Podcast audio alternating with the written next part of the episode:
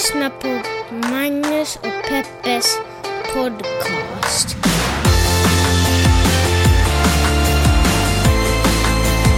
Yes, det är det faktiskt.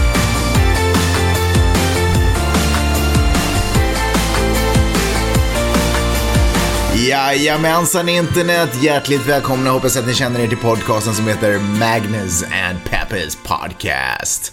Den här podcasten handlar om de stora och de små händelserna i världen. Vi pratar om dem ur ett feministiskt, journalistiskt och ett uh, mediagranskande perspektiv. Okej okay, Peppe. Sluta. Tänk om du, så där måste det ju vara att vara gift typ med en amerikansk host. Eller egentligen så föreställer jag mig att överhuvudtaget ett liv där man är gift med en amerikan går till på det sättet. Att det är liksom, allting är lite som på film. Och det, pratar, Ja. det pratas liksom med en slirig, väldigt extrem amerikanska. Jag träffade en kompis som jag inte sett på fem år, och uh, alldeles nu, nyss. Och uh, då märkte jag att jag sa ord som, alltså han är mer sådär down to earth. Och, Down to earth. Nej men down to earth. nej, men jag kunde när jag sa det. Varför slänger hon sig med amerikanska ord och kan inte ens prata engelska? Det talar jag faktiskt också om sen. Men eh, varje gång jag sa någonting som inte var på svenska utan på engelska så skämdes jag lite. Mm. Ja, det blir ju så. Vad ska man göra? Man vill ju, alltså man har ju hånat Dolph Lundgren i alla dessa år, men nu sitter man här själv som en jäkla... Skrattar bäst som skrattar sist, säger Dolph Lundgren nu när han lyssnar på den här podden. Så är det, så är det. Nej, och vet du vad? Jag vill göra det. Eh, Men det är ju klart, det är ju lite som att gå omkring i thailändska kläder när man kommer tillbaka till Stockholm. Att det sitter ju inte riktigt lika bra. Men Nej. här så är det ju fine. Här pratar vi alla, i, i liksom, också med svenska pratar man ju på det här sättet. Man slänger in lite engelska ord, bla bla bla, för man orkar inte hålla på och tänka vad det egentligen heter. Och, och man vill ju ändå också, ah, ni fattar, ni fattar. Men det är klart att det blir ju sjukt pinsamt när man kommer hem och fortsätter på samma sätt. Det låter som att gå med i Paradise Hotel. Ja, men det låter som att man är, nej, det är inte, man låter outbildad. Det är inte okej faktiskt. Man får helt enkelt, ja, du får skarpa Peppe. Ja. ja, men det var min poäng också, att jag får verkligen skarpa. Ja. Bra! Eh, hör du, vill du bara kort ge mig vad du har gjort i veckan? För jag har inte sett dig så mycket. Hörru, ehm, jag har börjat översätta en bok. Jaha. Det är mitt nya jobb. Från vilket språk till ett, vilket språk? Från, ursprungligen skulle det vara från finska till svenska. Okej, men? Men nu kom den på engelska, den boken istället, så nu översätter jag från engelska till men svenska. för, är det för att du ska kunna översätta den som någon liksom har översatt den åt Ja, därför skickade de den översattes från finska till engelska. Nu. Nej, jag skojar. Jag vet faktiskt. Jag kommer att få det finska manuset också. Men... Uh, it's Men alltså det har gjorts en översättning, it's complicated. Men, men eh, ska du den inte läsa den på, den är skriven på finska. Men, Men du översätter en översättning? men nu översätter jag en översättning. Men borde du inte översätta originalspråket? Ja, men jag kommer också att få originalspråket, men det kommer jag att få först senare. Jag undrar om det här är någon slags hemligheter. Vi säger inte vilket förlag det är. Okej. Ja, men, i alla fall så översätter jag från engelska till svenska. Väldigt, jag har ju bara översatt ett kapitel hittills, men det är väldigt kul faktiskt. Jaha. Vad är det som är så roligt då? Men jag tänker att jag kanske blir en bättre eh, skribent själv genom att vara tvungen att klura ut eh, lustiga formuleringar och fundera vilken sorts språk som passar in i just det här sammanhanget. Eh, jag skulle aldrig kunna jobba som översättare. Jag tycker det verkar... Varför det? men Tråkigt. verkar- Ja, herregud. Men vet du vad, det var min första tanke också. Herregud så tråkigt, jag Ja. gör det bara för pengarna. Men det är kanske därför att jag hade så låga förväntningar som det är ganska kul. Det känns lite sådär... ehm, Ja, men det känns... Att översätta en roman känns lite... Kanske lurar mig själv, men lite konstnärligt, tänker Men- jag. men- att man måste vara, men man kan inte bara sätta in i Google Translate och sen skicka in det, utan man måste... Eller? Nej, det kan man faktiskt inte. kan man skriva längst ner att har ni problem med den här översättningen, ring Google. men hör du, men vänta, du sa att du gjorde det bara, här, bara det här för pengarna. Är du inte nöjd med cashen jag drar in eller? Måste vi alltid tala om att du nu för en gångs skull drar in lite mera cash än jag? Men är du inte Vet med ni, liksom... kära lyssnare, hur många gånger jag får höra det? Varje dag poängterar Magnus att han just nu, den här korta perioden i livet, dag. ja faktiskt varje dag, drar in lite mer pengar än jag. Nej, det stämmer inte Peppe. Nu, nu tycker jag du överdriver. Men försök, inte, försök istället svara på frågan. Är du, inte, är du liksom inte nöjd med antalet eh, dollares som jag liksom kommer in med?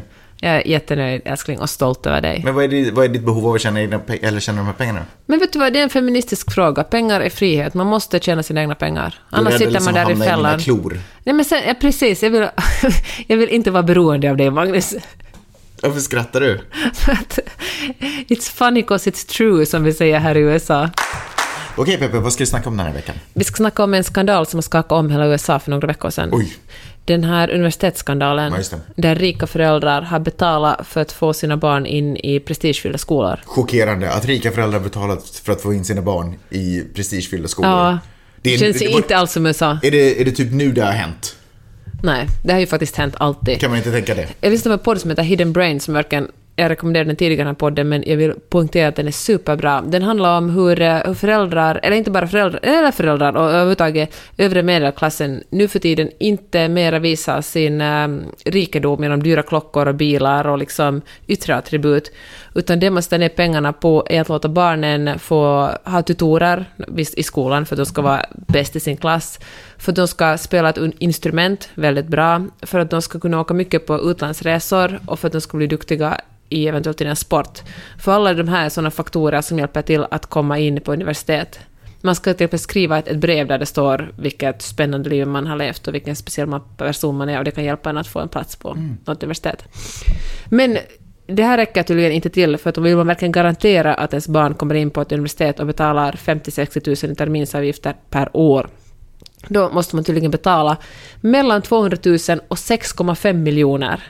Har de Dollar. här, för att här de betalar en snubbe, här i LA faktiskt, som har styrt, haft, ett litet, haft en liten business där han har haft kontakt med olika människor på universiteten och andra människor som har hjälpt till med SATs, som är sådana här nationella gemensamma prov som alla gör, och som hjälper en att, eller de resultaten på SATs hjälper en att komma in. Får jag berätta lite saker om SATs? Gärna. Som jag lärde mig. Eh, nämligen att SATs är någonting, alltså det är standard, precis som du sa, standardiserade nationell, nationella eh, prov som mäter barnens utbildningsnivå. Eh, och de här proven börjar tas redan från fjärde klass, alltså när Vidar är tio år gammal. Alltså nästa år för honom? Ja, kommer han börja Det ta visste dem. jag inte. Eh, och så kommer han ta de här typ i en, en gång om året. Eh, och det är de här proven sen som kommer vara avgörande för om huruvida han kommer komma in på Men vadå, läggs grunden redan nästa år? Ja, det kan man faktiskt säga. Så föräldrar är ju eh, bestörta och tar in extra tutors för att lära Mm. dem att göra prov. För det spelar ingen roll om du är duktig i skolan, om du klarar liksom, skolgången, om du misslyckas på de här proven. Gud vad hemskt. Ja, det är alltså, och redan nästa år börjar det för Vidars skull. Och, eh, men, det är ju, men också för att komma vidare i, i det amerikanska livet, om man, ska, om man ska bli framgångsrik så krävs det, alltså statistiskt, statistiskt sett krävs det att man har gått minst college, gärna också en, en, en, en postgraduate degree, alltså göra en masters också. Och, eh, och det handlar säkert inte bara om själva utbildningen man får där, utan också om alla kontakter som man knyter på de här eh, collegena och universiteten. I alla fall, med i den här skandalen var bland annat Yale, Stanford och mitt gamla universitet USC. Och vet du vad jag kände då? Nej. Jag kände en blandning mellan skam och stolthet. Ja, en skam, men bland, vänta, en blandning mellan skam och stolthet. Ja, först var jag sådär, herregud så pinsamt. Och sen var jag sådär, wait a minute. Om det är så attraktivt med skolan att folk betalar miljoner för att gå Just där, det. Mm. det borde ju vara stolt. Och det, var, det här är ju ingen känsla som jag nu i efterhand är stolt över, men det kändes ändå lite sådär, hm, jag har gått där. Utan att ha betalat muta någon för att få gå där. I och för sig kom jag ju in genom köksdörren så att säga eftersom jag kom utomlands ifrån. Kan man också säga att USC är ju ett komplex som erbjuder många olika sorters utbildningar. Och det var kanske inte till journalistlinjen som de, de betalade 6 miljoner dollar för att komma in. Jag bara... Tack för den, Eller jag vet älskling. inte, det kan vara så, jag vet inte. Ja, nu tydligen var det bland annat filmskolan då som man... Konstigt. Eventuellt, Ja. ja. Men i alla fall är det inget litet skituniversitet, Nej, får jag bara säga. När jag gick på universitetet, den här journalistskolan, så blev den vald som USAs bästa. Inte nödvändigtvis tack vare mig. Men ska vi gå vidare fall. i historien? Men då, jag, då, då tycker jag att det är... mm, Men jag tycker det är intressant det här hur mycket... Hur mycket inte intressant, men, men det, på det finns något... Som du skrattar, det finns en viss ironi i det här. Att man är så chockerad över att... eh, Ja, varför är man så... Jag fattar inte ens varför ny, vad det här är för nyhet. Att folk har mutat. Nej, men alltså det finns ju någonting komiskt i att man har photoshoppat in bilder på barnen i, i roddbilder. Barn som aldrig har suttit i en roddbåt förut. För att de ska... Det är ju sjukt. Men det faktum att rika människor använder pengar för att få... För att ge sina egna barn fördelar. Hela det amerikanska systemet är Exakt. uppbyggt på det. Exakt. Och speciellt det universitetssystemet. Jag menar nu kanske att de har mutat känns ju bara som en idiotisk sätt att gå tillväga. För jag har förstått tidigare så har de donerat så att de kan bygga flyglar och... Exakt det skulle jag säga dig. För vet du vem, eh, vem uh, Andrea Young är? Nej. Det vet du. Andrea Young, låter bekant. Dr Dre. För tydligen när den här skandalen kom ut la han upp en bild på, på Insta med sin, eh, med sin dotter som tydligen också har kommit in på USC. Ja. Med sin caption där det stod “My daughter got accepted to USC all on her own, no jail time”. Ja, är det sant? Sen visade det sig i och för sig att han något år tidigare hade donerat 70 miljoner Exakt. och har sin egen flygel på USC. Exakt. Och det var Och någon att som kommenterade “Dre is technically correct, his bribe was legal”. Ja, men det är ju exakt Men det visste du USA i ett nötskal. Så därför är det jättekonstigt om man har 6 miljoner dollar att sätta in, var- varför man sätter det på muta. när Köp en byggnad, Ja, det är det men ärliga sättet att göra. Verkligen, Så jättekonstigt. gör alla liksom hedersknyfflar. Plus, att nu börjar jag tänka att jag skulle också vilja passa på, alltså nu känns det också som att jag skulle vilja frågasätta hans doktorstitel. Och är han verkligen Dr. Dre, eller är han bara Bachelor Dre eller någonting? Precis. Herregud, så jag låter den här podden. Ja, men vi är lite sjuka, vad kan man göra? Ja. Ni får, alltså, men jag hör, det låter som det är två äh, alkade människor som sitter här Ja. och försöker Rast- skoja på Dr. Dre's bekostnad. ja, du, jag skulle tala om Elizabeth Warren. Jag tycker om att testa dig Magnus, därför frågar jag dig. Vet du vem Ja, men Elizabeth det låter Warren också är? jättebekant. Säg inte att det är också är någon rappare, att hon egentligen är Cardi B eller någonting. Nästan. Det är en, president, en kvinna ställer upp som presidentkandidat för Demokraterna. Ah, just det, just det, just det.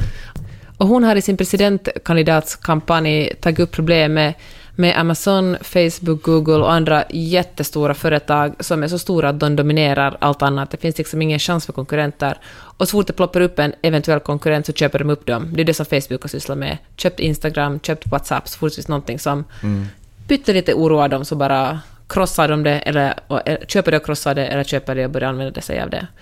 Och eh, Amazon är ju ett, exempel, ett bra exempel på en, eh, någon, en, ett företag som säljer grejer och som konkurrerar ut alla andra grejer. Planet Money, en, en superbra podcast, hade ett exempel på hur, eh, om man har ett företag som säljer hattar för hundar, till exempel. Hattar för hundar? Ja. Och, eh, och det känns som en ganska nischad, en ganska nischad bransch. Men okej, då säljer du såna och då säger du att åh, Amazon är ett superbra sätt att nå ut till jättemånga människor för att jättemånga människor använder sig av Am- Amazon. Och av hundhattar. Och bara, men vi testar, vi vill testa. Och så visade det sig att det här blir en otrolig succé. Mm. Alla vill köpa dina hundhattar. Och då betalar du såklart Amazon för att få synas på Amazon. Det känns som Så att, du är typ Dr. Seuss och håller på att berätta någonting från Dolores. Och, eh, du får ju, och Amazon har ju inte minsta risk i det här. De Nej. säger bara välkommen din hundhattsbusiness och välkommen hos oss men du får också betala för att synas här. Ja. Mm. Och så märker de, gud vad bra de där hattarna säljer. Så då börjar Amazon producera egna hattar Mhm. för hundar.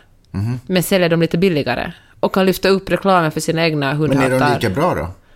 Ja, men, Kommer inte den ursprungsbusinessen klara sig därför att den ändå levererade kvalitet hundhattar? Ja, men den kanske läggs mycket längre ner. Så du kom, surfar in för att söka hundhattar på Amazon, så då kommer Amazons eget brand först upp. Men hur många andra kan det finnas? Du kan ju inte sätta Amazon, Amazon, Amazon, Amazon, Amazon och sen men okej, hundhattsföretaget. Hood Lotion då. Jag menar, det finns ju tusen olika varor, ja, så det finns ja. många av. Men då kommer Amazons först, så det, och så, säger, så råkar de kanske ha fått fem stjärnor av fem. Det finns ju, alltså det här poängsystemet ska man ju också vara För lite att alla på skeptisk lagret har fått med. en order om att gå in och betygsätta Nej, men precis, och skriva en liten, en liten kommentar kring hur bra de är. Mm. Och då väljer jag såklart kunden, du är ute för att köpa en fattar. Så Och, ja, ja, så det det, är det, är- liksom, det är ju monopol, det är ju att dominera hela marknaden. Ja. Genom att noll risk, kolla vad marknaden vill ha och sen sälja det som marknaden vill ha lite billigare än de andra Men producenterna sagt, gör. med det sagt så tror jag faktiskt inte att det är lagligt med monopol. Men problemet är ju också att i det här landet, och det är också ganska intressant med tanke på vad vi pratar om skolsystemet. För i det här landet så älskar man ju lobbyverksamhet och mutor och alltihopa. Så det är inte så konstigt att de här företagen får fortsätta göra det. För de kan hela tiden betala av folk som skulle kunna stoppa dem. Nej, men precis. Men då är det ju bra att en presidentkandidat tar upp det här problemet. Ja, men frågan, ja men det måste ju ändå gå igenom kongress. Men absolut, 100% Ja, ja, superbra. är du redan ja. i kongressen liksom att snacka Jag är absolut redan i kongressen. Ja, men eh, jag tänker att någonstans måste ju börja. Någon Ja, måste säga att det här är ett problem. Och då, för jag vet att det, man talar hela tiden om både Sverige och Finland, åtminstone Sverige, när kommer Amazon till oss? Vi har Mm. längtar. Och det är ju som, som kund måste man ju säga att det är otroligt praktiskt. Och Amazons eget argument är sådär att herregud, vi gör ju bara våra klienter och kunder en tjänst liksom. Mm. Vi är ju älskade för att vi kan erbjuda så låga priser. Men om man backar några steg och ser ur ett större perspektiv så är det ju verkligen inte särskilt bra för, eh, för konsumenterna att eh, det finns någon som har monopol som dominerar och bestämmer vad som ska säljas och till vilket pris. Stämmer. Så jag tycker att det är... Ja, men det känns, det känns äntligen som det är lite friska vindar som blåser här i, i USA, politiskt sett. Ja, ja precis. Eller alltså, i det här landet rymmer ju allt. Så det rymmer ju även goda idéer. Men det är ju ett val som de ska filtreras igenom också. Förstår du vad jag menar? De här idéerna. Ja, men jag Ja. tänker men allt måste börja och sen kanske man tar två steg framåt, ett steg bak. Eller så blir det ingenting. Men nu är i alla fall... eh, jag tycker man Nu är pratar... det i alla fall sagt. Nu är det i alla fall sagt. Och Ja. detsamma gäller ju Facebook. Alltså Facebook har ju haft några svåra år.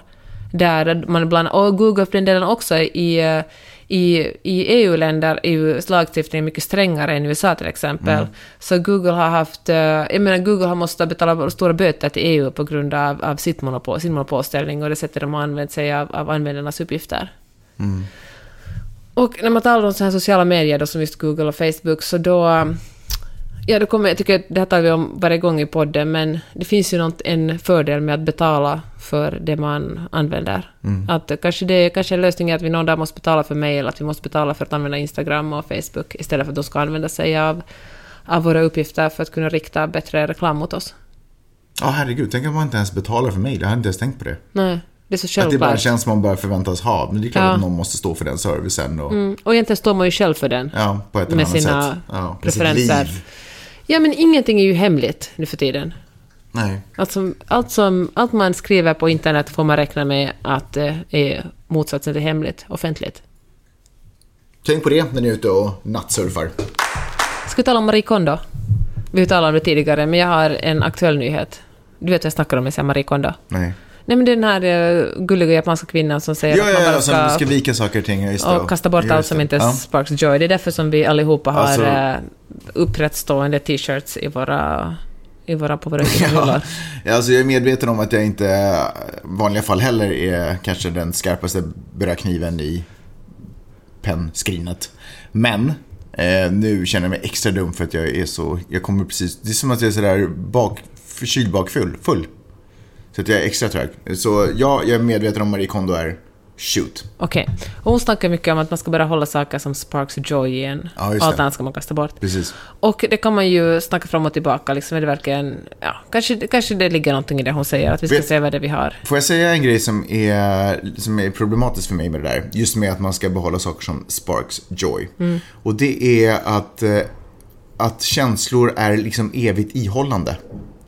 Eh, för det är lätt att tänka, åh, jag köpte den här, it sparked joy, it doesn't anymore. Så då slänger jag iväg den. Men kärlek och joy kan ju komma tillbaka. Det kan ju gå har jag fram och tillbaka. Det är som mellan dig och mig. Ja, eller mig och Miley's, eller du vet, vem som helst. Alltså om man skulle sparka ut saker och ting. Bara, om, om Marie Kondo sa ta upp ditt barn och känn om det spark joy eller inte. Det är ju helt beroende på när den frågan kommer.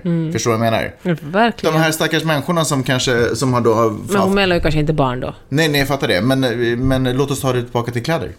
Så de här människorna som har bjudit in Marie Kondo i sitt hem eh, råkar kanske vara inne i en blommig period för att det var vårigt ute. Eh, och så bjuder de in henne och så ber, hon, eh, ber Marie Kondo dem lyfta upp en grå t-shirt. Och det kanske känns superfel. Kanske inte sparkar någon joy. Och så är plötsligt har Marie Kondo bett dem slänga iväg kläder för hundratals dollar bara för att det är inte spark joy at the moment. Man kan väl liksom... Är det så? Är det det enda som liksom får finnas? Saker och ting som bara... Eh, det, det, det är det som är så keft med den här tiden vi lever i. Att det på något sätt, det ska bara vara extas eller så, ska det så får det inte existera. Men allting behöver inte vara extas. Det kan liksom, det kan få ligga och mohi lite. Det kan få vara en gryta. Grytan är inte heller god direkt när man sätter på den. Det blir jävligt god lite senare om man bara har lite tålamod. Bjud på lite tålamod kan jag känna, Marie Kondo. Bjud på tålamod, Marie Kondo. Eller som man säger på japanska. Hamakaraji halamha kondo.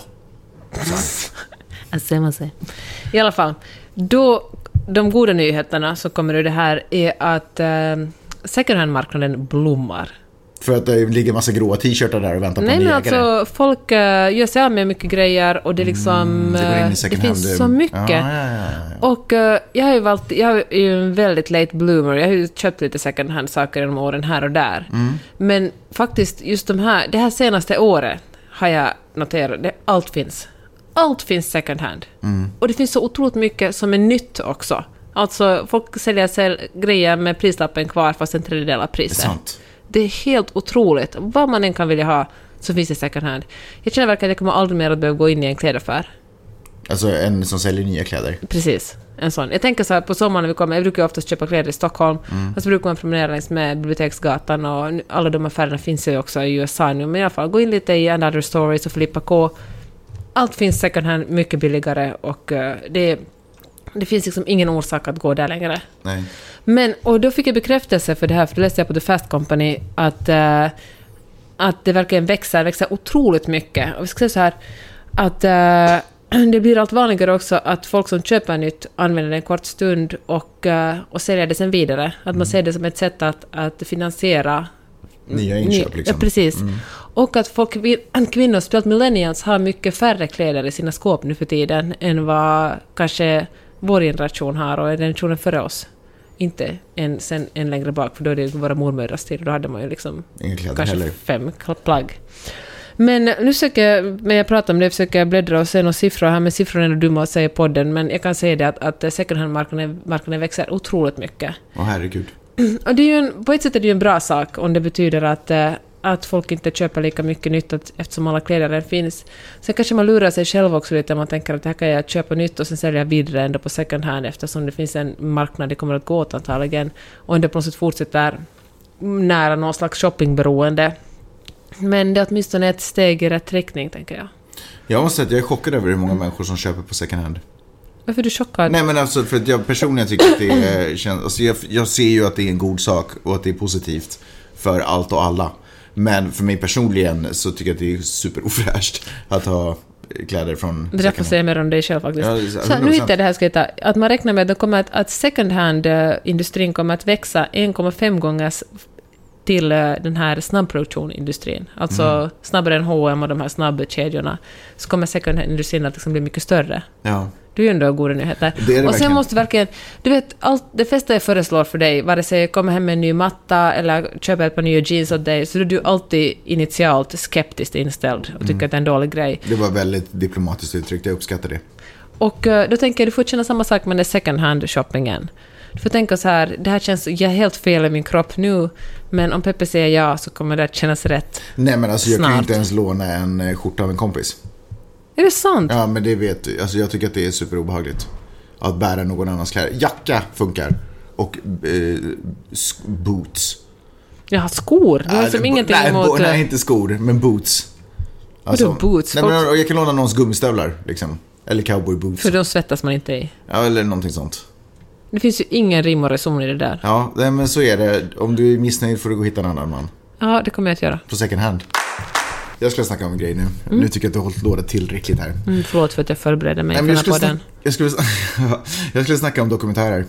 För jag har haft, eh, inte så mycket, men ändå lite möjlighet att titta på några lite dokumentärer på sista tiden. Och jag känner att det slog mig hur jag bara illa berörd när jag sitter och tittar på de här dokumentärerna. Och så tänkte jag så här, vad konstigt, för dokumentärer, det var något som jag minns har varit härligt att titta på. För man, har, man lär sig nya saker.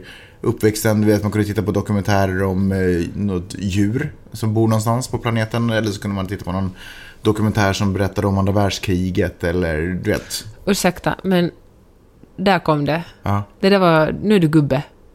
Nu? Alltså andra världskriget. Du vet när män börjar Nej, men- få ett stort intresse för andra världskriget. Nej, men jag bara det är då, menar då har de tagit steg in. Jag menar historiska Du är dokumentärer. med i samma klubb som min pappa nu. Nej, det stämmer inte. Jag sa inte att jag, åh, jag är otroligt fascinerad av andra världskriget. Har du någon, rekommend- har du någon dokumentär att rekommendera? Det Jag sa frågade jag inte. göra Björn. Det sa jag inte. Utan jag sa så här, jag, jag tog ett litet ögonblick här nu i podden och mindes tillbaka på dokumentärer jag sett som barn. Och, men det Mm. Det som... kan den heta, dokument, den här podden. Med, Jag tror att poängen i det jag försöker säga är den röda tråden som går igenom alla dessa dokumentärer. Att jag kände att det fanns någon form av vilja från de som har gjort de här att lära mig någonting. Att jag skulle på något sätt utbildas. Som ett komplement till min skolgång. Mer åt det hållet. Eh, men nu sitter jag och tittar på dokumentärer och, och när jag tittar klart på dem så blir jag lite sådär, vad sitter jag med i handen just nu?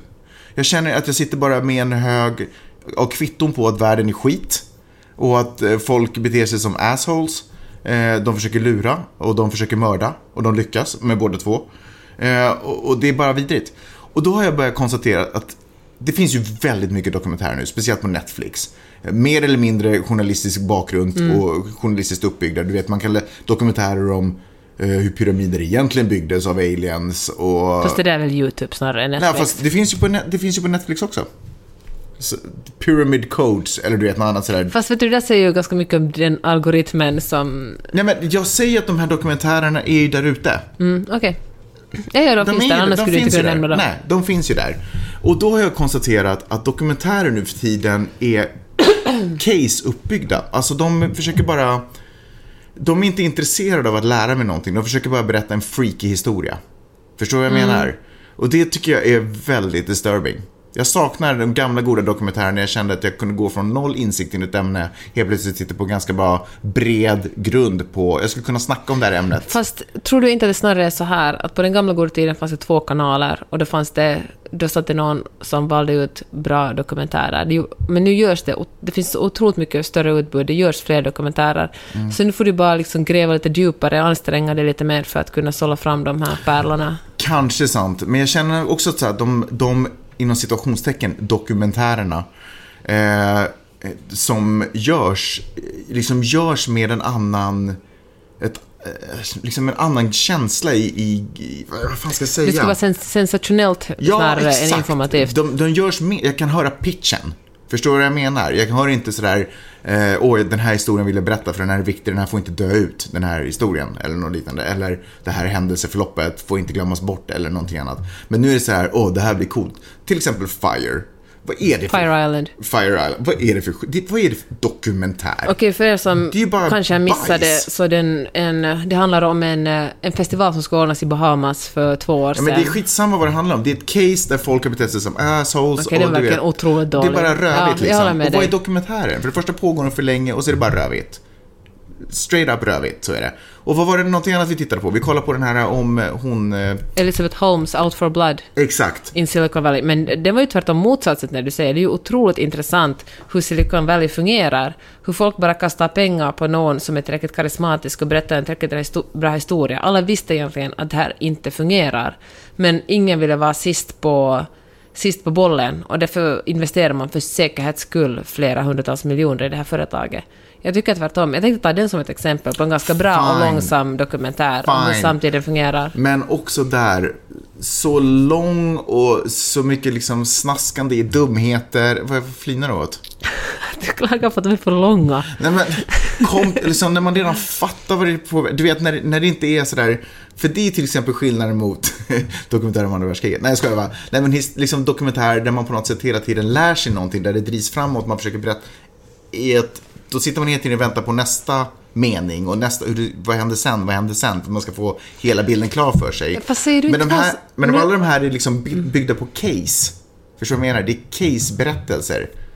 Berättelser om fall. De är byggda precis på Okej, samma okej, sätt okej. som, som de här jag- mordhistorierna Nu ska jag faktiskt inte, nu ska jag inte håna dig mera kring det här, för jag, eller missförstår dig avsiktligt. Det du hade önskat från den här Out for Blood i Silicon Valley är någon som inte som använder det här caset som ett exempel och förklarar på hur blinda investerare är i Silicon Valley, hur man verkligen kan, hur liksom själva industrin där fungerar. Mm. Och fungera, f- förklara övergripande om det och sen ta det här som exempel Ja. på hur eh, kejsarens ny, kejsaren verkligen inte har några kläder och alla ser det men ingen vågar eh, se det högt. Exakt. Eh, och, och här kan jag någonstans också förstå kritiken som har riktats mot Michael Jackson-dokumentären. Då återigen inom situationstecken dokumentären. Därför att det är ju case. Det är ju case-berättelser och de är ju viktiga. Jag säger inte det. De är viktiga. Men jag förstår... Fast vänta lite, för det första har du inte sett den. Nej men vänta, ta det lugnt. Jag vill inte, det är inte så intressant just den, men problemet är att det verkar inte göras riktigt dokumentärer nu för tiden där man tar helhet, helhetsgrepp om ett problem. Och ska jag vara helt ärlig, okej fine Michael Jackson-dokumentären undantagen. Den För- handlar ju Nej, inte men om Michael vänta. Jackson, det handlar ju Nej. om hur man groomar barn. Ja, jag vet. Eller hur jag fattar. groomar Jag barn. vet, jag sa att jag förstod, kriti- jag förstod de kritiska röster som har riktats mot det. Eh, därför, att det. Därför att idag så ser vi bara, vi ser hemskt mycket bara du vet, ja, men jag ska bara berätta den här sidan av historien. Det är ingen som tar en helhetsbild av eh, ett ämne. Och jag tror dels att det har att göra med att det inte är lika sexigt att berätta hela sanningen. För det, jag håller inte alls med om det där, men fortsätt bara. Ja, men om, vi, om vi lämnar Michael Jackson-dokumentären, för det var tydligen där jag tappade dig. Och istället gå tillbaka till den här andra eh, dokumentären då med den här Holmes, eller vad hon hette. Elisabeth Holmes. Ja. Ja. Så hade den till exempel kunnat gynnas av liksom, yttre röster som skulle kunna prata om hur man ser på det, hur, hur, hur man har... Men inte, inte vet jag hur man ska kunna göra det, men förstår du, en mycket bredare, bredare helhetsbild av det. Istället för att bara snöa in sig i caset och bara låta det vara där. Jag tycker att det är lite lat. Mm. Ett litet lat sätt att arbeta på. Okej, jag kan gå med på det där. Jag, jag tycker faktiskt att den var ganska bra, den där, den där eh, alltså Out for Blood i Silicon Valley. Jag håller med dig om eller jag håller med mig själv om, att man kunde ha tagit ett steg bakåt och tala mer om själva industrin, hur det fungerar, hur liksom, ja, men hur det fungerar med Ja. unicorns och så vidare i, i Silicon Valley. Att nu handlar det ju, nu var jag väldigt insnöad på just det här caset. Men, eh, men alltså, det här med att man ska snaska i case, det kan jag tycka, det kan jag tycka faller mest på den här true crime-genren. Där uh, Serial börjar liksom, eller verkligen skapa den här stora trenden i att man ska ta reda på riktiga fall. Och i Serial, då var det ju en journalist som berättade ur sitt eget perspektiv, hennes egen resa i hur hon försökte ta reda på vad som hade hänt med den här mördade... Alltså hon redovisar en journalist dagliga arbete. Men precis. Det var liksom... ja. Och så blev det mega succé. Man bara, va? Det här är ju liksom... ja, men... Det här är arbete som ska göras innan de går i produktion. men jag tycker att Serial var någonting nytt och fräscht. Alltså jag menar, folk har tidigare också, Wall Ruff har liksom beskrivit sitt, sin metod att göra journalistik på, men, men i podcastform var det ju en, det var en fräsch vinkel. Sen har det gjorts om tusen gånger och då tycker jag att det kanske har tappat eller jag jag är ju tydligen den enda som tycker det eftersom de är så otroligt populära. Men nu när det har gått över till att göra en massa dokumentärer om människor som har blivit, kvinnor som har blivit mördade, ah, kan jag tycka, det kan jag hålla med dig om, att den, det kan jag liksom inte se Men det charmiga i enskilda, jag menar diskutera enskilda mord. Jag skrev om det här på bloggen och då fick jag en, länka någon till en undersökning som visar att kvinnor vill kolla på det här eftersom eh, det är ett sätt för dem att förbereda sig på att det värsta kan hända och liksom att konfronteras med det hemskaste. Jag vet, det kändes lite genomskinligt. Ja, men jag tycker det är liksom...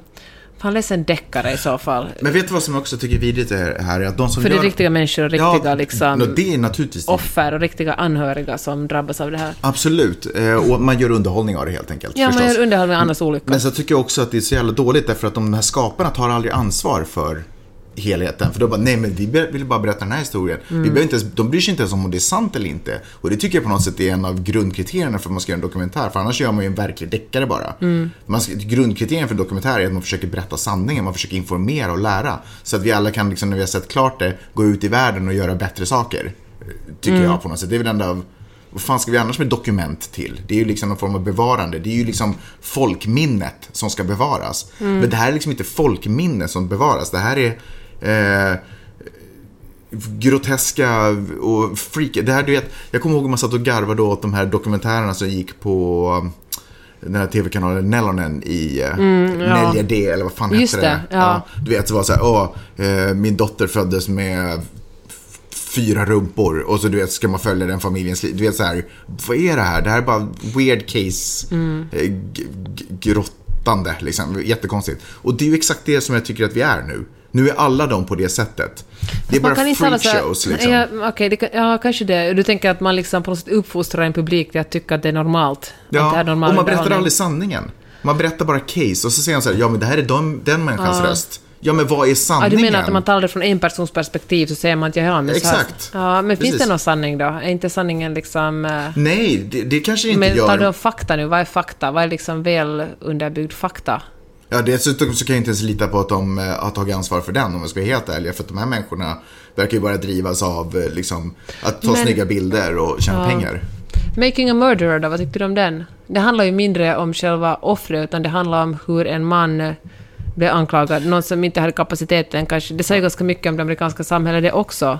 Hur att kunna bli, att kunna bli liksom försvarad i rätten och ha liksom en advokat. Om man inte är rik så, så är man Ja. ett offer för själva rättssamhället. Jag tycker inte att det är cool när man försöker berätta en sån allvarlig historia. Det kan man göra. Och då kan man ta upp flera case. Olika människor som har gått igenom samma... Mm. Om det är den berättelsen man vill göra. För jag tycker inte det är coolt att, att slarva bort eller att... eh, Döma eller frige en person Nej, jag, genom nej, det jag försöker säga. Jag tycker inte det är coolt att försöka på, berätta en sån historia genom att påverka mig med dramatisk musik, spännande bilder, klipp till något stänk, klipp till någonting som, du vet, det är inte coolt för så behöver man inte berätta sanningen, man behöver inte hålla på och förföra. Det de, håller, de är ju illusionister mer än att de är liksom eh, berättare. Du vet, de, det är uppenbarligen litar de inte tillräckligt mycket på berättelsen för att bara kunna berätta den rakt upp och ner hur den är. Det jag ändå kanske tyckte att Serial var lite renare fast de också jobbar jättemycket med så här, mm, oh, spännande musik när hon gick i skogen och, och började mäta. Vad tycker du om The Blair Witch Project då? Får jag tipsa om ett otroligt bra reportage då, Magnus, du som är intresserad av sanningen. Mm. Niklas Orenius har skrivit ett reportage om eh, yazidiska Jamila som är 30 år gammal och har flytt från IS. I sex månader var hon fången och har nu lyckats ta sig till Sverige. Där hon fortfar- här, i- inte här i Sverige, utan där i Sverige är hon fortfarande rädd. Och eh, det här reportaget, när vi spelade in det här, publicerade, spelade in det på en söndag, det publicerades igår på lördagen. Och uh, otroligt långt och det var fan, alltså det... Ja, när man har, Sverige har ju snackat, eller EU och USA har också talat om det här, folk som har åkt och eh, stridit med IS, kvinnor och män har dragit för liksom att hur ska vi göra om deras medborgarskap? De är välkomna tillbaka nu när liksom den sista kalifaten har fallit. Och då har jag tänkt sådär, men vadå, inte kan man väl ta bort någons medborgarskap? Det är ju klart att de är välkomna hem. Och jag har ju fattat att eh, vilka otroligt bestial... Att det, det har varit liksom en, en bestialisk sekt, att vidriga saker har hänt.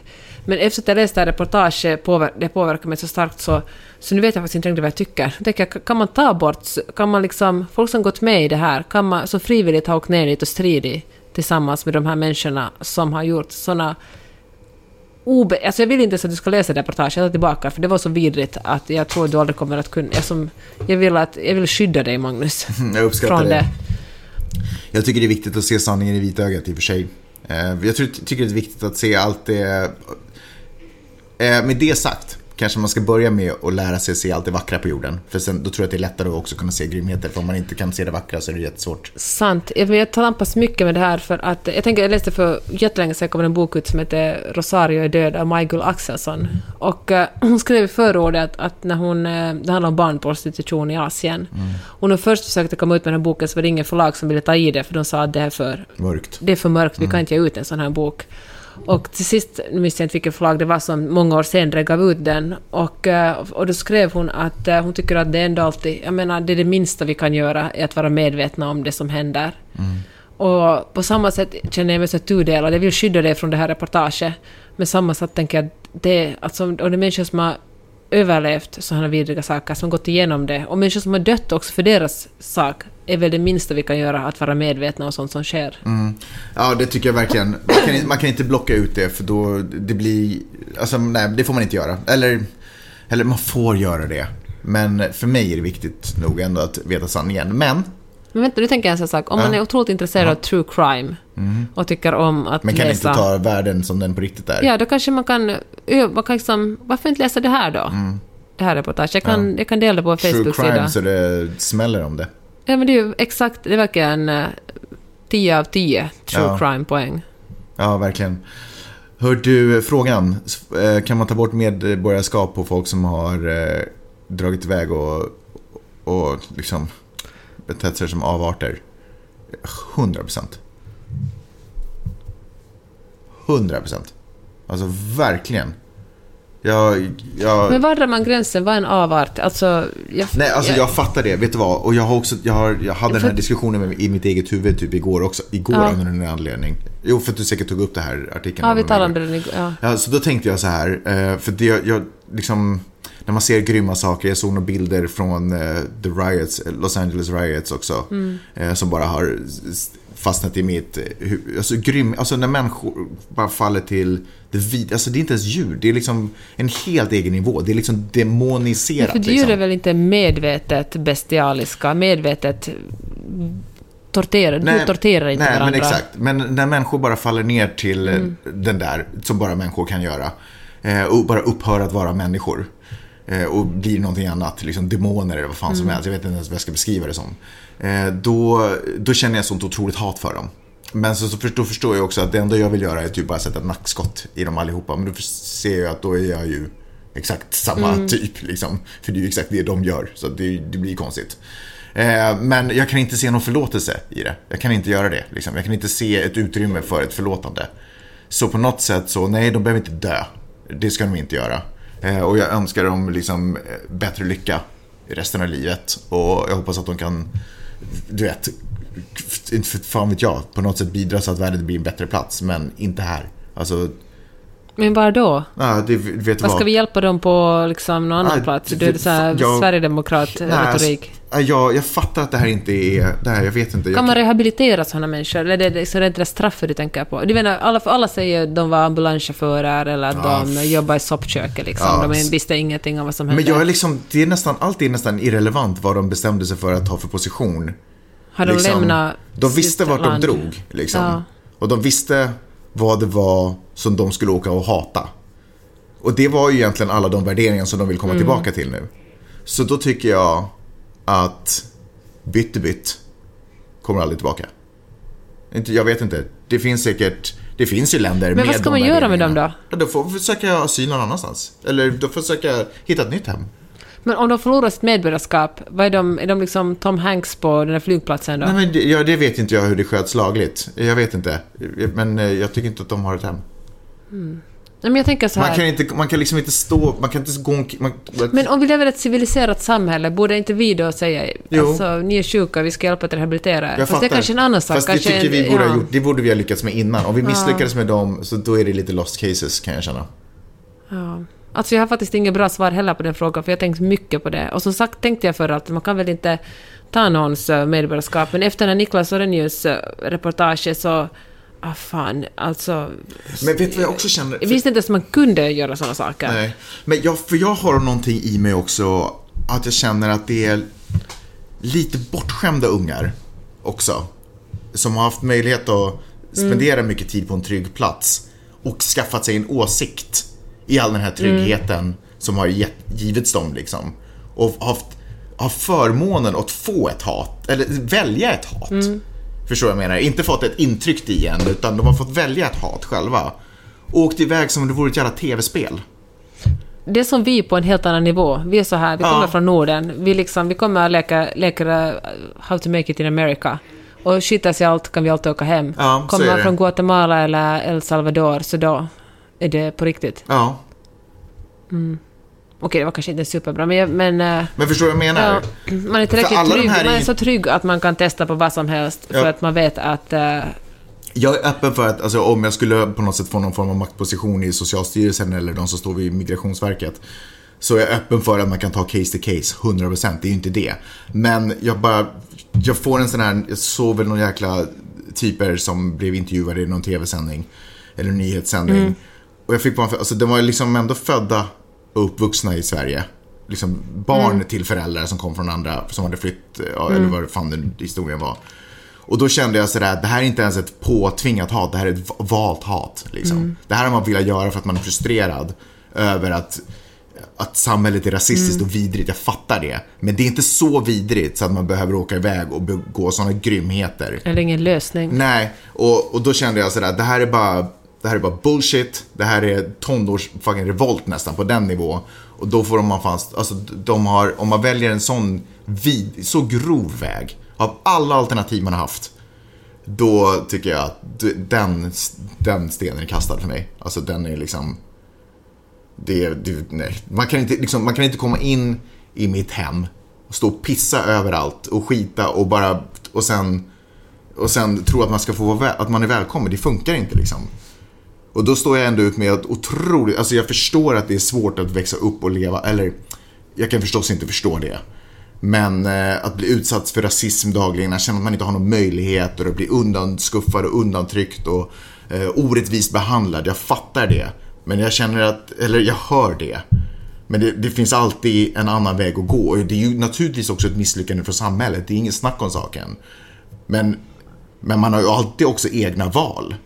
Alltså hur, vad jag än blir utsatt för så har jag ju också, ändå trots allt ett eget val. Om inte jag blir tvingad eller hotad. För det finns ju ändå barn i världen som blir tvingade till. Och du säger att då får man ta konsekvenserna av sitt val. Jag skulle ha mycket lättare att ta emot barnsoldater från Sierra Leone eller var de nu finns nu för tiden. Än att jag skulle ta emot sådana där människor som bara hade allting serverat.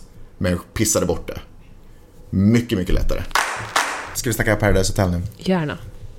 Jag tänkte nämligen på grejen jag såg PH. Va- För det första, kommentarer på senaste säsongen. Ja, den är väl som alla andra säsonger, känner jag. Alltså, awesome! Nej, ska det bara.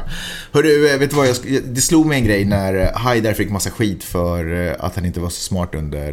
Eller han inte lyckades så bra, förlåt. Jag vill inte vara dum mot dig Haidar, eftersom du lyssnar på den här podden. Eftersom det inte gick så bra på skolprovet, eller historieprovet. Och så blev han ledsen för att han fick massa...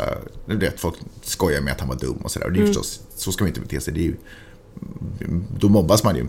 Men det var ändå en grej som han sa i sin frustration där, som jag tänkte att jag skulle snacka om. Nämligen han var sådär att, eh, Eh, att han tycker att meningen med livet är förstås att skaffa eller för honom bara att skaffa barn och ha ett jobb och tjäna pengar och han skiter i allt som har med historia och allt sådana saker att göra. Och då skulle jag bara vilja säga så här. Att jag förstår dig Haidar. Eh, men eh, jag skulle ändå vilja slå ett slag för historia.